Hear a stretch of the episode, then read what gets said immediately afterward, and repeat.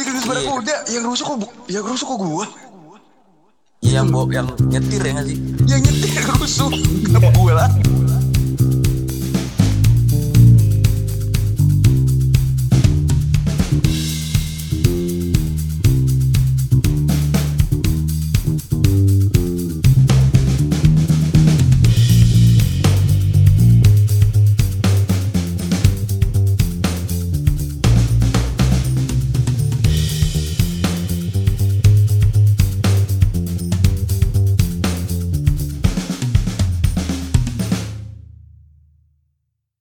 Ya, jadi gini, eh, tadi kan kita udah bahas ya soal apa? Soal eh, gerakan BLM di Amerika lah, ya kan? Terus Mhm. juga ada yang menarik menurut gua di, eh, di gerakan BLM itu dan relevansinya di Indonesia misalnya, di mana banyak eh, orang-orang yang aware juga lah, bahkan ikut ikut serta mendukung atau paling tidak misalnya memberikan suatu komentar atau statement atau Mm-mm. ya paling paling konkret adalah misalnya ngepost di media sosial misalnya seperti itu. Nah, kalau lu ngelihatnya ini dalam konteks Indonesia ya, kita Hmm. udah udah beranjak dari tadi kan dari Amerikanya, kalau ini dari Indonesianya warga Indonesia, eh, masyarakat Indonesia melihat hal BLM itu dan cara dia menyampaikan pendapat misalnya di media sosial dan segala macam, menurut kalian tuh kayak gimana? kalau gue ngeliatnya gue nggak mau ini sih ya nggak mau kayak salty juga ke orang-orang yang ikut-ikutan WLM ya nggak sih? Orang Indonesia yang ikut-ikutan eh, ngomongin isu BLM gue nggak gue nggak bilang norak lu ah lu ikut-ikutan. Gue nggak bilang kayak gitu juga. Tapi tapi gue rasa kurang apa ya kurang afdol rasanya kalau lu ngomongin ikut-ikutan ah sorry ngomongin lu ikut-ikutan ngepost atau ya gerakan-gerakan di sosial media dan lain-lainnya mendukung Black Lives Matter tapi lu nggak aware sama sekali tentang gimana kawan-kawan kita di saudara-saudara kita di Papua bagian eh, Papua di timur sana itu juga didiskriminasi. Hmm. Gua nggak ngomong gua nggak ngomongin perjuangan mereka yang katanya dalam tanda kutip pengen merdeka ya. Gua nggak ngomongin itu. Oke oke. Tapi seenggak-enggaknya untuk hanya menyampaikan pendapat, diskriminasi di berbagai lingkungan kampus, itu aja deh kurang afdol rasanya kawan kaum milenial ini. jadi kemarin kan terjadi pelarangan diskusi kan tuh tentang eh, agenda PLM ya Papua Life Matter itu bahkan dari orang-orang sini juga nggak ada yang mengkutuk tindakan pelarangan diskusi itu kan Gak masif lah, mungkin ada lah beberapa, cuman gak masif. cuman kalau menurut gue sih kalau menurut gue ya ini ini ini ini memperlihatkan kepada kita bahwa sebenarnya diskursus itu nyampe nyampe ke masyarakat itu lewat culture bukan lewat substance ya kan? Salah satunya ya hip hop culture mungkin pop culture Iya, iya. dari Amerika Serikat. Gimana gimana powernya seorang Kylie Jenner atau Travis Scott ngepost tentang Black Lives Matter itu nyampe nih. Sampai tetangga gue juga tahu gitu loh. Itu kan itu begitu kuat. Tapi tapi itu dari culture loh terpengaruhnya. Bukan dari substance. Gitu. Iya iya, masuk akal. kalau Oke. dari kalau dari substance udah banyak kejadian di Indonesia yang yang udah parah tapi tapi kita kita ini nggak pernah nyadar ya kan kan begitu Hmm, hmm. jadi memang Iya kalau substansi di Indonesia juga misalnya nggak nggak nggak kurang-kurang amat ya dalam menyikapi misalnya isu-isu di Indonesia ya. Hmm. Cuman mungkin secara culture gitu ya misalnya kayak kasus eh, beberapa kasus misalnya diskriminasi atau rasisme atau apa eh, apalah yang yang buruk-buruk lah itulah. Mhm. Maksud gue tapi gerakan secara culture-nya itu yang mungkin kurang ya. Cuman ada beberapa beberapa misalnya artis atau budayawan atau musisi lah itu yang peduli lah bahas masalah-masalah eh, sosial gitu loh. Mhm. Dan dan pun mereka-mereka yang selebgram atau seleb tweet atau influencer yang mencoba gitu loh ngomong pandangan politiknya, pandangan sosialnya, beberapa yang dicaci maki gitu kan. Iya iya. gitu. Sorry nih, gue denger, gue gak tahu juga bakal denger apa enggak. Karena aja banyak yang apa ngesaltiin di Twitter gitu loh. Kalau dia ngomongin apa, ngomongin pandangan politik segala macem. Karena ya karena mungkin itulah yang membuat membuat beberapa apa eh musisi atau artis di Indonesia itu takut ya menyampaikan pendapat. pendapat politiknya. Iya, iya. Karena kayak kayak dalam tanda kutip gini apa ya? Ngomong kayak ada lu main musik main musik aja lu nggak usah ngomong-ngomongin pandangan politik gitu apa. Iya iya iya iya. Di, di sini tuh kayak gitu dah. Hmm, itu itu bukan yang terjadi sama yang musisi yang kepalanya pelontos itu ya? oh iya, iya. Mungkin terjadi gitu Ber karena apa? Udah lo musisi bikin lagu aja. Gak usah ngomong-ngomong politik. Kenapa bisa begitu? Karena mungkin pendapat politiknya jelek. Itu begitu. itu- Asbabun nujulnya. iya, ngefek, ngefek gue masuk akal. Ngefek. akal. Tapi mau sejelek apa pun itu pandangan dia ya nggak sih? Iya. Di dalam negara Iya. demokrasi mau nggak mau ya itu suka-suka dia. Gak apa-apa, gak apa-apa. Sementara ada gini, ada public figure, seorang musisi atau influencer atau apa pun itu mem, apa mengeluarkan pandangan politiknya dikata-katain, Hmm. dipersekusi, Hmm. dibilang alah bacot lu, baliknya sono apa. Sementara ada satu lagi nih influencer yang ngomong apa-apa tentang pandangan politiknya, Tet- tetap dikatain ya.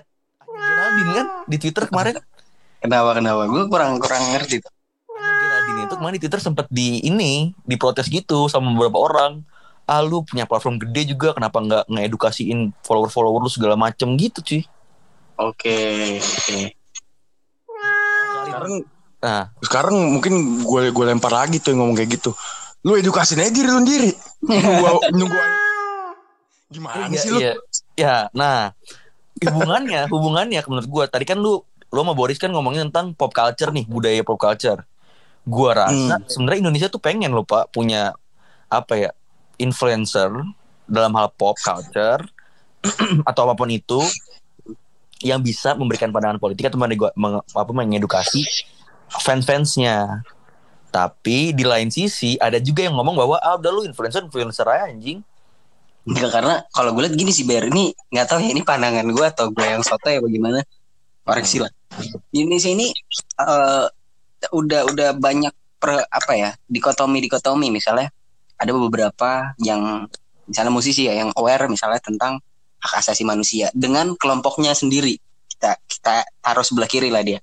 Hmm. ya kan? Terus misalnya ada yang yang eh is, eh, apa istilahnya jarang-jarang gitu loh. Tapi cukup membahas itulah. Kayak misalnya yang tiba-tiba aja kalau jadi apa eh, isu itu lagi naik ya kan? Ya dia bahas itu aja. Gitu loh. Hmm. nah tapi ada yang emang udah misalnya udah terkenal banget udah melekat banget bahwa misalnya suatu grup band atau musisi-musisi ini itu kayak istilahnya gerakan banget lah atau istilahnya ham banget lah. Itu kan ada kayak gitu ya. Gue ngeliatnya kayak gitu ya. Mungkin ya mungkin susah susahnya nih apalagi dengan ada budaya-budaya apa yang sempet rame itu kan yang di di, di apa dikata-katain lah. Indie itu ribet banget sih. Kenapa lu nggak mau ngepop sih gitu Hmm. Ya kan? Maksud gue bisa jadi kalau gue lihat kenapa eh, isu-isu misalnya kayak ham segala macam itu nggak ngepop gitu loh nggak nggak bisa ngepop gitu loh karena Hmm. ya ditentang sendiri sama kelompok-kelompok itu biar itu nggak jadi mainstream gitu. Ya, ya masuk akal, masuk akal. tapi tapi kalau udah sejarahnya, ingat loh kita pernah punya slang sama Iwan Fals. Hmm. Hmm. Dan itu nge, nge- mainstream lah ya, cukup Nah, mainstream. di- dan itu di- jadi alat perjuangan ya nggak? Hmm, hmm, Di masa itu. hmm, hmm. Sekarang nggak Apa- tahu. apa mungkin- ter- Kenapa? Berarti harusnya sekarang JB lah ya bikin lagu bikin lagu perlawanan ya. Jangan Yami doang lagunya. Nah, gini gini. Zaman itu pernah ada Iwan Fals sama slang. Di hari ini ada siapa menurut lu, Yat? Menurut gua hari ini misalnya ada kaca misalnya. Iya dengan dengan eh, yang lain lah ya. Yang nggak usah gue sebut. Iya, dengan sentilan-sentilan liriknya gitu maksud lu. Iya. ah, Tapi kenapa nggak bisa segokil Iwan Fals sama slang? karena mungkin isunya sih isunya ya isunya eh, dulu itu kan kerasa banget mungkin ke semua orang ya gue nggak hidup zaman itu sih Otoritarianisme. Ah-ah. ya kan kalau hari ini kan mungkin beberapa orang doang yang aware atau sebagian udah udah beda lah udah nggak merasakan hal itu terus juga ya itu tadi mungkin ya beberapa orang yang aware itu yang merasa itu dijadi circle-nya gitu maksudnya udah udah jadi Mm. Mm-mm. bagian mereka itu nggak mau itu jadi mainstream gitu. Mm. Jadi ya udah gitu. Jadi nggak seru lagi mungkin ya kan. Kalau dia jadi mainstream. Ya masuk akal masuk akal. Padahal kan kalau kalau istilahnya isu-isu yang universal itu harus kalau mau digerakin kan ya, ya juga harus secara universal nggak bisa Heeh. kelompok doang. Cuman gue cuman gue melihat sih, gue gua gua melihat lagi nih selanya, sela eh nggak motor. Apa jangan-jangan meskipun meskipun nih, meskipun para influencer atau sebut saja artis lah, musisi segala macem itu udah eh, melakukan suatu kampanye hak asasi hak asasi manusia misalnya, terus terdengar ya kan di sini orang-orang juga pada mengkonsumsi itu. Mungkin juga nggak semasif kalau udah artis barat yang ngomong ya, ber. Kenapa? Iya sih lu? Jadi kalau menurut gue patokannya tetap barat. Kalau di gimana juga orang sini gitu loh. itu itu keadaan aja kita kita sadarin aja. Iya itu iya. sih- orang Bekasi sih- lah ya. Orang sini tuh Iya. orang Bekasi lah ya. Ya orang sini orang Bekasi. Gue sih gue sih Mm-mm. mungkin mungkin gue gue di tahap gue udah ngomong ngomong itu bener atau salah. Cuman kalau menurut gue siapa pun yang mengkampanyekan hak asasi manusia serap aja dulu secara substance kalau menurut gue Mhm. ya kan? Gak usah ngeliat genre lah. Ya kan? Gak usah ngeliat genre lu rap. Ya kan? Lu rap. Lu rap. Wah kagak kagak lu indie. Ayo dah ayo dah ayo dah. Begitu. Kan begitu kejadiannya sekarang. Iya Ya iya iya. Kalau mau kalau mau ngomongin tentang pandangan politik, Indi masuk kayak gitu ya. iya. Kalau ngomongin rasis tiba-tiba jadi rap. Jadi, jadi gimana nih? Kalau ngomongin apa rasisme agama gue harus denger Marawis sorry sorry sorry. Jadi jadi jadi nanti diversi apa diferensiasi dan diversifikasi itu tentang siapa yang ngebawa eh, influence itu nanti juga bakal bikin bingung nantinya gitu loh kalau nggak diserap secara substance dari awal menurut gua Oke. ya kan masuk akal masuk akal. Baru nggak gua baru nggak. Oke Tapi, oke. tapi, Iya.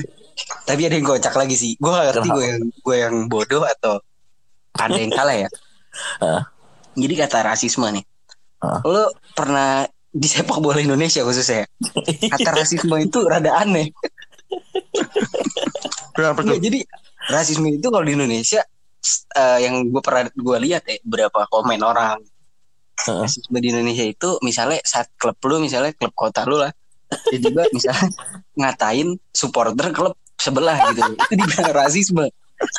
Eh jangan rasis dong gitu. Iya iya.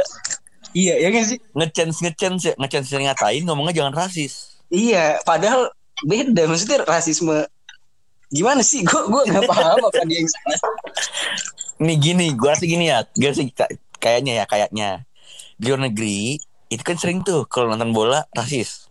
iya ngatain warna kulit, ngatain apa namanya daerah, apalagi ngomongin eh, derby-derby yang perjuangan politik gitu loh. iya Soalnya kayak Barca sama Madrid itu kan udah ngomongin kemerdekaan segala macem, sering rasis kan. Mhm. Nah muncullah di sosial media ini rasis ini rasis. Kayaknya diserap di sini. Pokoknya lo kalau misalnya di lapangan, di stadion, kalau ngatain siapa pun itu rasis namanya. Kayak gitu. Salah paham. Balik lagi ke, kayak kata si Boris, substansinya lo pahamin dulu. gitu. oke oke Iya, callback ke kata-kata Boris yang tadi. Mm-mm. ya kayak misalnya Habis kayak apa eh mungkin juga ya kan Pak sulit juga jadi pop culture ya. Hmm. sekali lagi nih tapi ini mungkin ntar gue edit sih. Gue belum berani lah mengucapkan ini. Oke lah di sana misalnya eh, apa Travis Scott ya kan? Terus Hmm. juga siapa? Eh, Kylie Jenner yang Hmm. menyuarakan isu isu-isu tersebut isu-isu sosial. Di sini ada pak. Sebenarnya konsisten. Coba. Cuman beberapa orang doang yang aware gitu loh. Dan dia emang nyentrik banget. Siapa? marginal. Susah ya susah. Tren pang udah udah udah udah udah Iya. kelar. Nyawanya itu sekitar lima tahun 10 tahun yang lalu. Sekarang kan lagi zamannya rap. Lagi rap. Ini gue juga habis kelar podcast ini gue juga denger lagu rap nih Travis Scott. Ya kan cuman gue nggak mau denger hamnya biarin aja udah dia aja ngomong Iya, karena yang kok jadi gitu sih Ya udah, udah gue denger, gue denger. Sorry, sorry pendengar. Sorry para pendengar. Kayak kayaknya ya teh, kayaknya karena kendaraan yang dipakai marginal itu udah lagi jadi pop culture. Bukan Hmm. lagi bukan tren yang lagi berkembang. Hmm. Kalau kendaraannya dia itu bukan pang, tapi kendaraan dia hari ini ngikutin tren. Hari ini trennya apa? Rap gitu kayak tadi kata Boris. Menurut gue ya di aware. Oke. Gue gue gue gue menyodorkan lagi nih. Suatu suatu tesa ya kan. Mau gimana juga tetap megang-megang barat. para Iya, influencer iya, barat. mau, mau. Iya, Itu lagi. iya. Iya, Lagi kalau kan Bekasi begitu iya, iya nggak apa-apa. Ini ini perspektif Eh. Bekasi ya kan. Gitu. Pertanyaan gini dah. Kenapa Dayat nanyanya sekarang rap siapa? Kenapa harus pakai rap kendaraan nih? Nah, itu ya. Kenapa lu ngomongnya Bayan. doang? Tadi Gua kan baik. gini, Ber. Kan Kenapa? kata lu yang hari ini yang jadi pop culture itu adalah genre rap. Oh, oh iya bener juga, bener juga. Ini gimana sih kamu ini? Iya iya iya, nggak konsisten gua. Ya, iya. Tapi dang dangdut lagi naik. iya. Dangdut naik, cuman lu mau memberikan unsur perlawanannya dari mana? Dari nadanya, Ber. Nggak bisa. Nggak bisa juga. Itu udah kisah cinta-cinta. Cinta-cintaan yang galau lah. Udah galau udah parah Ya, banget sampai bikin joget. Sulit. Yang ya. Soalnya- gitu kan. Musik, soalnya musik dangdut itu menurut gua nggak konsisten anjir. Kenapa? Lah iya. Di, di apa nadanya sedih, tapi bisa liriknya seneng anjir. Iya, Iya. bener bener bener bener. bener, Itu bener. itu udah itu udah itu udah tahap tarekat ya berarti udah tahap tasawuf. Lagu lagu lu lagu sedih sedih sampai lu joget. Itu udah gila banget itu maknanya. Musik musik sedih nih, musik sedih ya. Musik sedih nih, oke. Lirik sedih, ya kan? Tiba-tiba ada gendang ya, ada yang nge-rap lagi. ada gendangnya direpin lagi. Masa bener juga ya? Aneh ya? Iya sih nggak masuk nggak masuk sih. Ya itu kayak misalnya apa? eh kalau di di luar negeri kan ada apa? eh apa tuh namanya? Adlibs, adlibs. Nah, ya kayak gitulah. Di sini juga ada. Kayak gitu. Cendol dawet. Iya, kayak gitu. Adlibsnya cendol dawet. Tapi kalau kita ngomong pop culture dan kita ngomong kiblatnya barat, ya Indonesia kalau mau terus-terusan berkiblat ya nggak bakal apa yang nggak bakal ada tuh influence yang yang tampil gitu loh Hmm. karena karena Oke oke. Gini. Sabi. hari ini ya nggak sih Hmm. karena gini menurut gua pertama ngomongin kalau barat kiblatnya ha- rap dari zaman dulu sampai sekarang karena emang jadi alat perjuangan dari zamannya apa Easy E ya kan Mm-mm. Kam Compton sampai sekarang jadi alat perjuangan lah kalau ngomongin kit kiblatnya barat dan rapnya Indonesia rapnya siapa yang segede Rizky Febian deh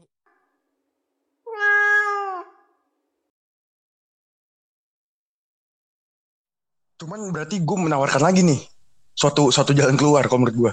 Sekarang mendingan nih Indonesia dengan nation dan karakter buildingnya. Sekarang udah saatnya Iya. kita nge-ekspor budaya. Paham gak lu? masuk Hmm. Sekarang Makanya udah tadi ada nih yang menyayangi budaya barat. tawarkan dangdut Korea, Korea Selatan, bos. Iya kan? kenapa Sekarang sekarang sekarang budaya Korea udah ngimpor ke mana-mana. Iya kan? Hmm. Udah udah udah jadi konsumsi hampir masyarakat di seluruh dunia loh. Iya kan? Sekarang mungkin paradigma bergeser nih ke depannya nih. Bisa aja nanti kita ngelihat isu-isu HAM dari dari itu. Dari apa? Apa ya? lagu-lagu Korea Lagu-lagu Korea, ya kan? Bisa Wow. aja. Cuman Korea masih Blackpink, galau Blackpink. sekarang-sekarang ini gue lihat. Iya. Itu. Hmm, hmm, hmm. Mungkin sekarang Tapi- udah saatnya tapi- nih Indonesia bikin budaya sendiri lah. Heeh. Gitu. Tapi menurut budaya lu, kita ekspor nih, keluar. ini diskursus intermezzo nih, baru nih, dikit lah. Kenapa? Karena apa ya?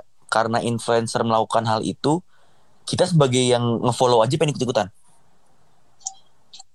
Perkara Travis Scott atau Kendall Jenner, Kylie Jenner ngepost tentang Black Lives Matter, kenapa kita bahkan jauh banget dari negaranya mau ikut-ikutan? Mungkin mungkin karena legiti- legitimasi idola mungkin, ya kan? Tapi kan nggak Mungkin kalau- pandangan politik. Mungkin kalau almarhum Bang Buyung punya IG sekarang terus dia ngepost lu yang retweet, ya kan? Karena lu idolanya lu an- Bang Buyung. Mungkin diet begitu. Ya kan? Mungkin idol idola masyarakat sekarang kan ya Kylie Jenner, Travis Scott. Ya jadi legitimasinya tuh eh, justifikasinya dia gitu loh. Hmm, hmm, hmm. Bukan Bang Buyung. gitu. Keren lah, mungkin bisa dianggap keren lah itu. begitu. Sekarang gimana Iya. caranya nih? Korea Selatan nih memang kurang progresif sih budayanya juga. Eh Iya kan? tapi kalau kita ngomongin Korea Selatan kurang gimana, dia ikut dia ada demo BLM loh di Korea Selatan. Oh iya. Ada. Rada buat apa juga gak sih? Ya Tapi- untuk mendukung Hmm. bahwa jangan ada lagi rasisme di dunia ini. Tapi- Anjay, anjay. Tapi halo, halo. Iya ya. Tapi eh, masalah Korsel itu ya, ini menarik juga yang masalah pop culture ya.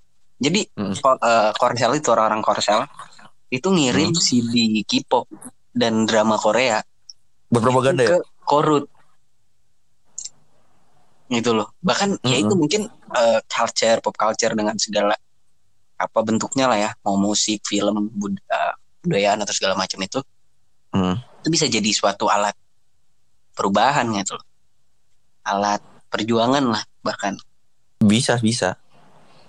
Apalagi kalau misal kita ngomongin pop culture yang diikutin sama milenial ya, dan lagi ada bonus demografi gitu. Hmm, Wah itu kalau misalnya budaya pop culture yang ngebawa pesan-pesan perjuangan apa, terus diikutin sama masyarakat secara luas, ya bikin perubahan gede. Tapi ini tapi ini gini nih, jalan keluarnya ini gimana nih? Bagi para pemuda nih yang mungkin sekarang udah tersadar dan concern terhadap HAM nih. Ya kan? Mungkin gue sih mengharapnya mereka udah karena dia udah menyerap substansi dari HAM, ya mungkin ke depannya mau influencer mau tidur nggak ngomongin HAM dia tetap ngomongin HAM sih gue harapnya. Gitu. Mhm. Ya kan? hmm, Kalau gue secara pribadi nih ya, ini rada curhat juga. Untuk menyuarakan pendapat gue, gue kadang-kadang suka masih suka takut dibilang norak atau ih baru sekarang lu ngomongin ginian, tau gak? hmm. Nah, itu kata gue toksiknya di di sosial media tuh di Indonesia. Kita nggak ngomongin kapan lu ngomong, Oke. tapi lu ngomong Hmm. gitu loh. Iya iya. Cuman gue juga kecewa sih. Gue kecewanya begini sih. Sebenarnya gue udah kecewa sih sama pemuda Indonesia ya. Pertama begini, Anjas. sangat kecewa gue. Pertama gini, Ya. George Floyd, George Floyd dipiting lehernya sampai meninggal ya kan. Hmm. Pemuda Makassar pas demo RKUHP dilindas pakai barakuda. Kenapa nggak dia ngomongin itu? Berarti Iya, gua, iya. berarti intinya adalah substansi HAM itu memang memang nggak nggak nggak kelihatan karena lu nggak mau ngelihat kadang-kadang. Kalau menurut gue begitu, dilindas barakuda bos. barakuda, lu dilindas karimun juga udah cak, udah gila bacap sakitnya. Apalagi barakuda, kok nggak ada yang Iya, ngomongin? sih semua Gitu. gitu. Iya kan? Kok yang ngomongin yang ikut-ikut demo doang? Kan kesian juga yang ikut-ikut demo. Aduh, gimana lagi nih gue? Ya kan? Temen gue baru kali barakuda. Kagak ada yang ngomong. Iya kan? Mm-mm. Akhirnya mungkin mungkin mungkin bingung juga nih para demonstran dan eh, penggerak penggerak Civil society. demokrasi prodem di Indonesia nih. Mau bingung Oh. mau gimana lagi nyadarinnya. Mungkin kalau menurut gue. Mm-mm. Barakuda Hmm. bukan main-main itu. Iya kan? Iya bos, besi semua itu. Iya, beratnya se, Bukan roller coaster kali. Iya.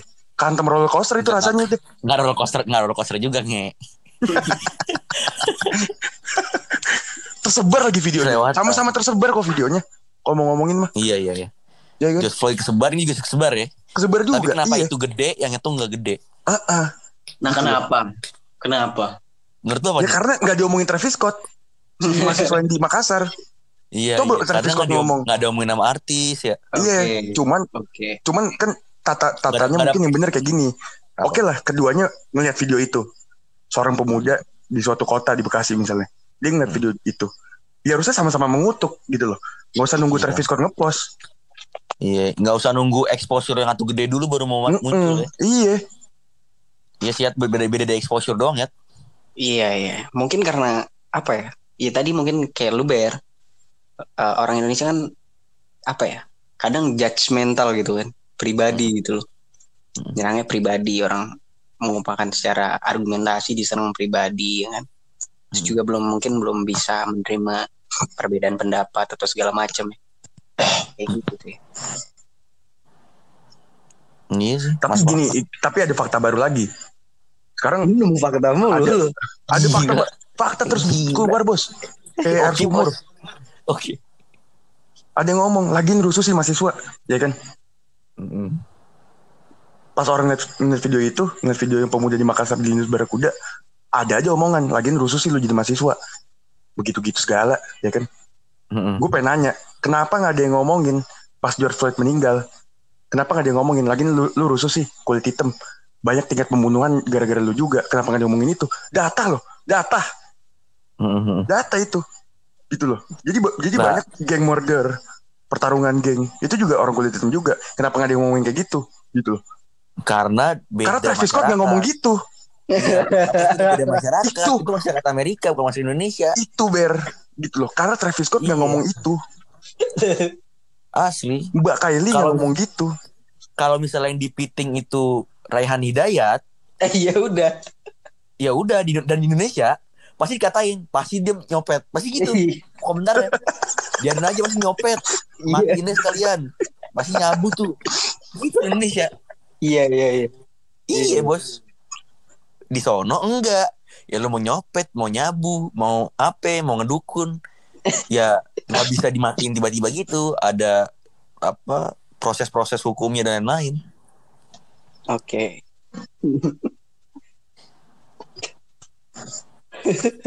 Balik Menarik lagi. juga ya.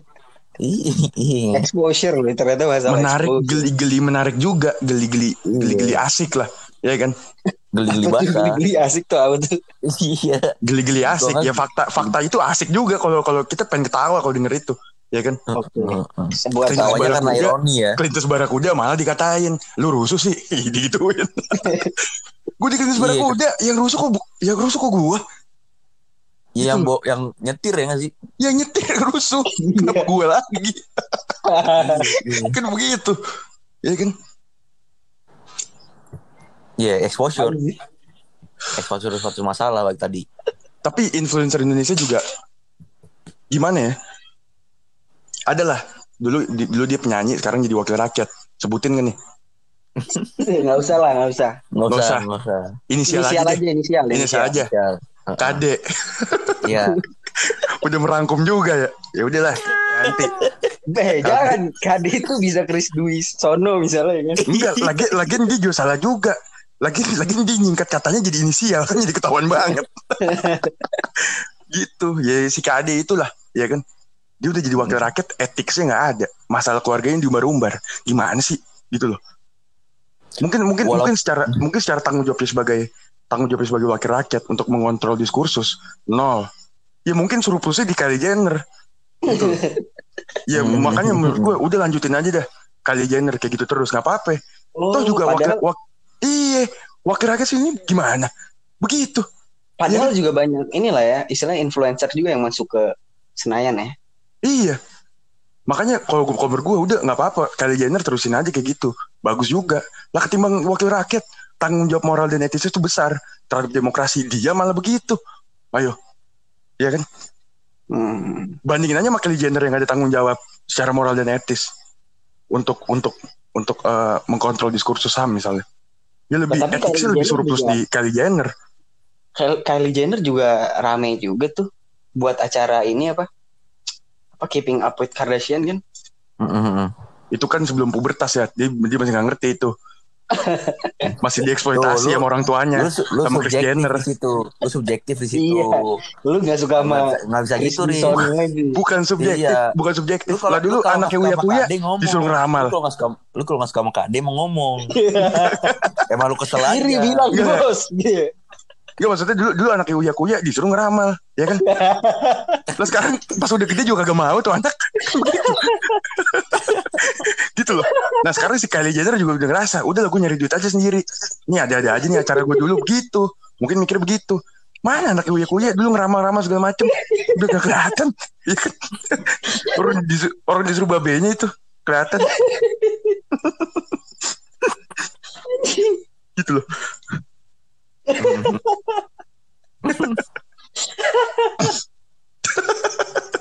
Tahu analogi lu tuh studi kasus lu gak begini amat sih. Bu- begini amat karena kritis. Itu ya tadi gue bilang kenapa geli-geli geli-geli asik geli-geli asik itu kritis maksudnya.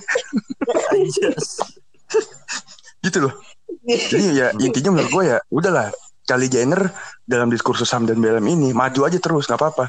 Dia jadi dia jadi dia jadi menanam sendiri moral dan etikanya dia melebihi KD gitu. Oke.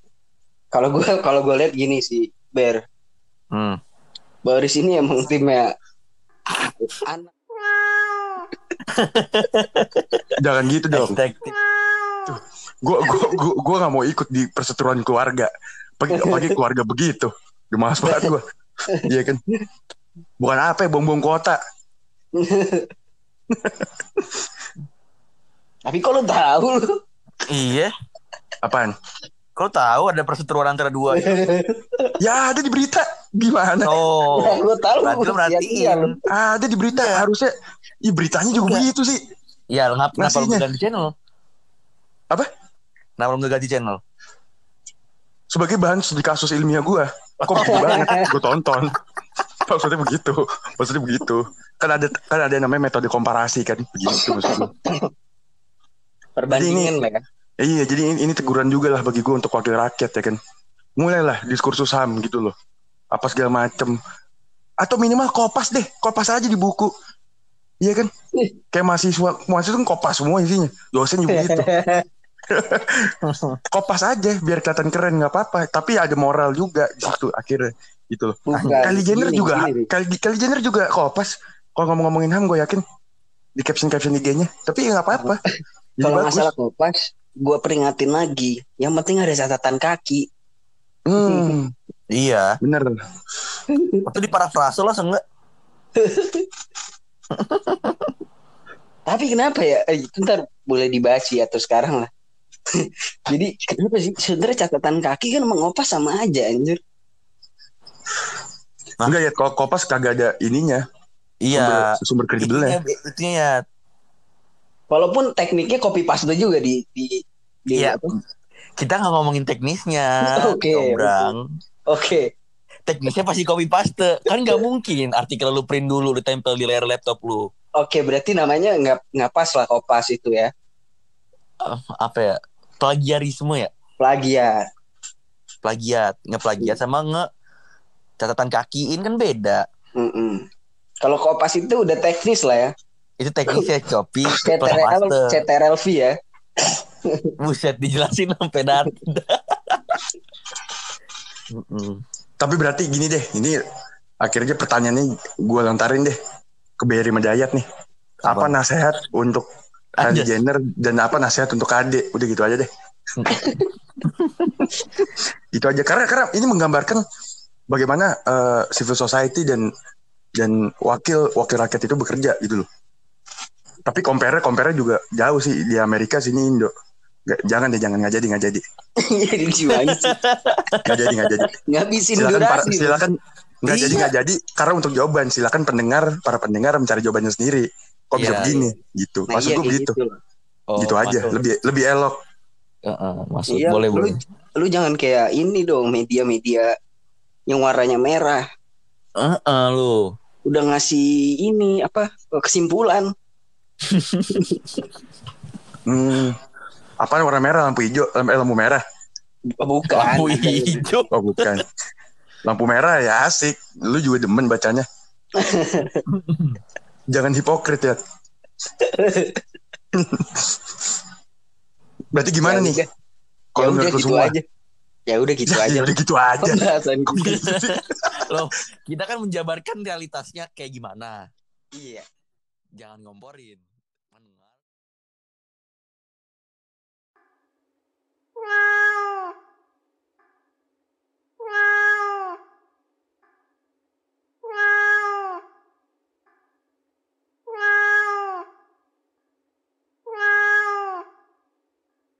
Sama timnya cinta. Siapa tuh? Cinta siapa? Cintaku ya. anjir. Iya. Berarti Jadi poin pembicaraan kita sekarang ini apa nih? Kesimpulannya nih? Dari Jadi kesimpulannya menurut gue adalah eh ya itu tadi exposure berpengaruh lah untuk apa untuk suatu isu atau gerakan masyarakat sipil itu berkembang secara masif gitu loh kembali lagi ya perlu emang kalau ada dari te- teori sosiologis itu kan gua gua ambil misalnya revolusi. Revolusi revolusi itu kan salah satunya butuh ini kan butuh apa tokoh kan. Butuh pemimpin lah.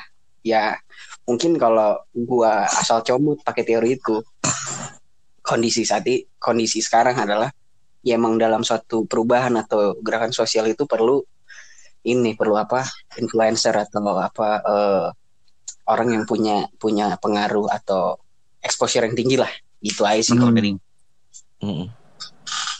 Gue sekarang ya. Ayo boleh lo, lo boleh lo lo.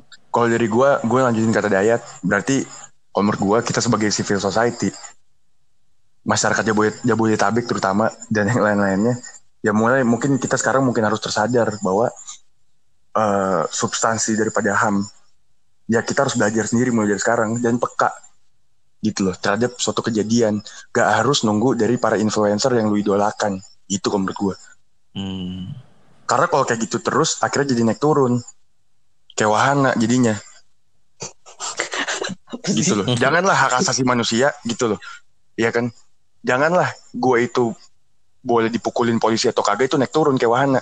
Besok hari ini boleh, gara-gara influencer ngomong boleh, besoknya kagak boleh. Influencer Oke. lain ngomong gitu, gitu loh. Jadi jadi nanti nggak nggak nggak akan outputnya outputnya nggak bakal bagus. Itu aja sih. Masuk iya masuk. gimana tuh Kalau gua kalau gua pribadi sih ngelihatnya apa pun masalahnya, mau itu HAM, mau itu apa diskursus tentang apa ideologi kah atau apa pun itulah ya. minumnya minumnya Enggak, bukan minumnya. Stop situ, stop situ. Apa pun masalahnya, asik, gue kayak iklan. Poinnya gini, poinnya gini, maksud gimana bahasanya? Iya, maksud apa pun masalahnya, apa pun diskursus yang mau lu bahas, terus lu lu orang apa ya? eh, Lu orang Indonesia siap-siap untuk dibilang norak, siap-siap untuk dibilang lu masih muda, siap-siap untuk dibilang sekolah lagi aja, siap-siap untuk dibilang baca buku banyak lagi. Ber, Asli. ber. Ah. Gak siap-siap kena barakuda. ah itu dia kayak kena barakuda sama siap kena pasal UU ITE udah itu Siap-siap sabi. kalau Indonesia keren keren Sumpah. keren keren Mantap, mantap. Udah lah ya. jadi kesimpulannya itulah ya kesimpulannya adalah kesimpulan kamu sendiri pendengar gitu Mantap. iya anjay mabar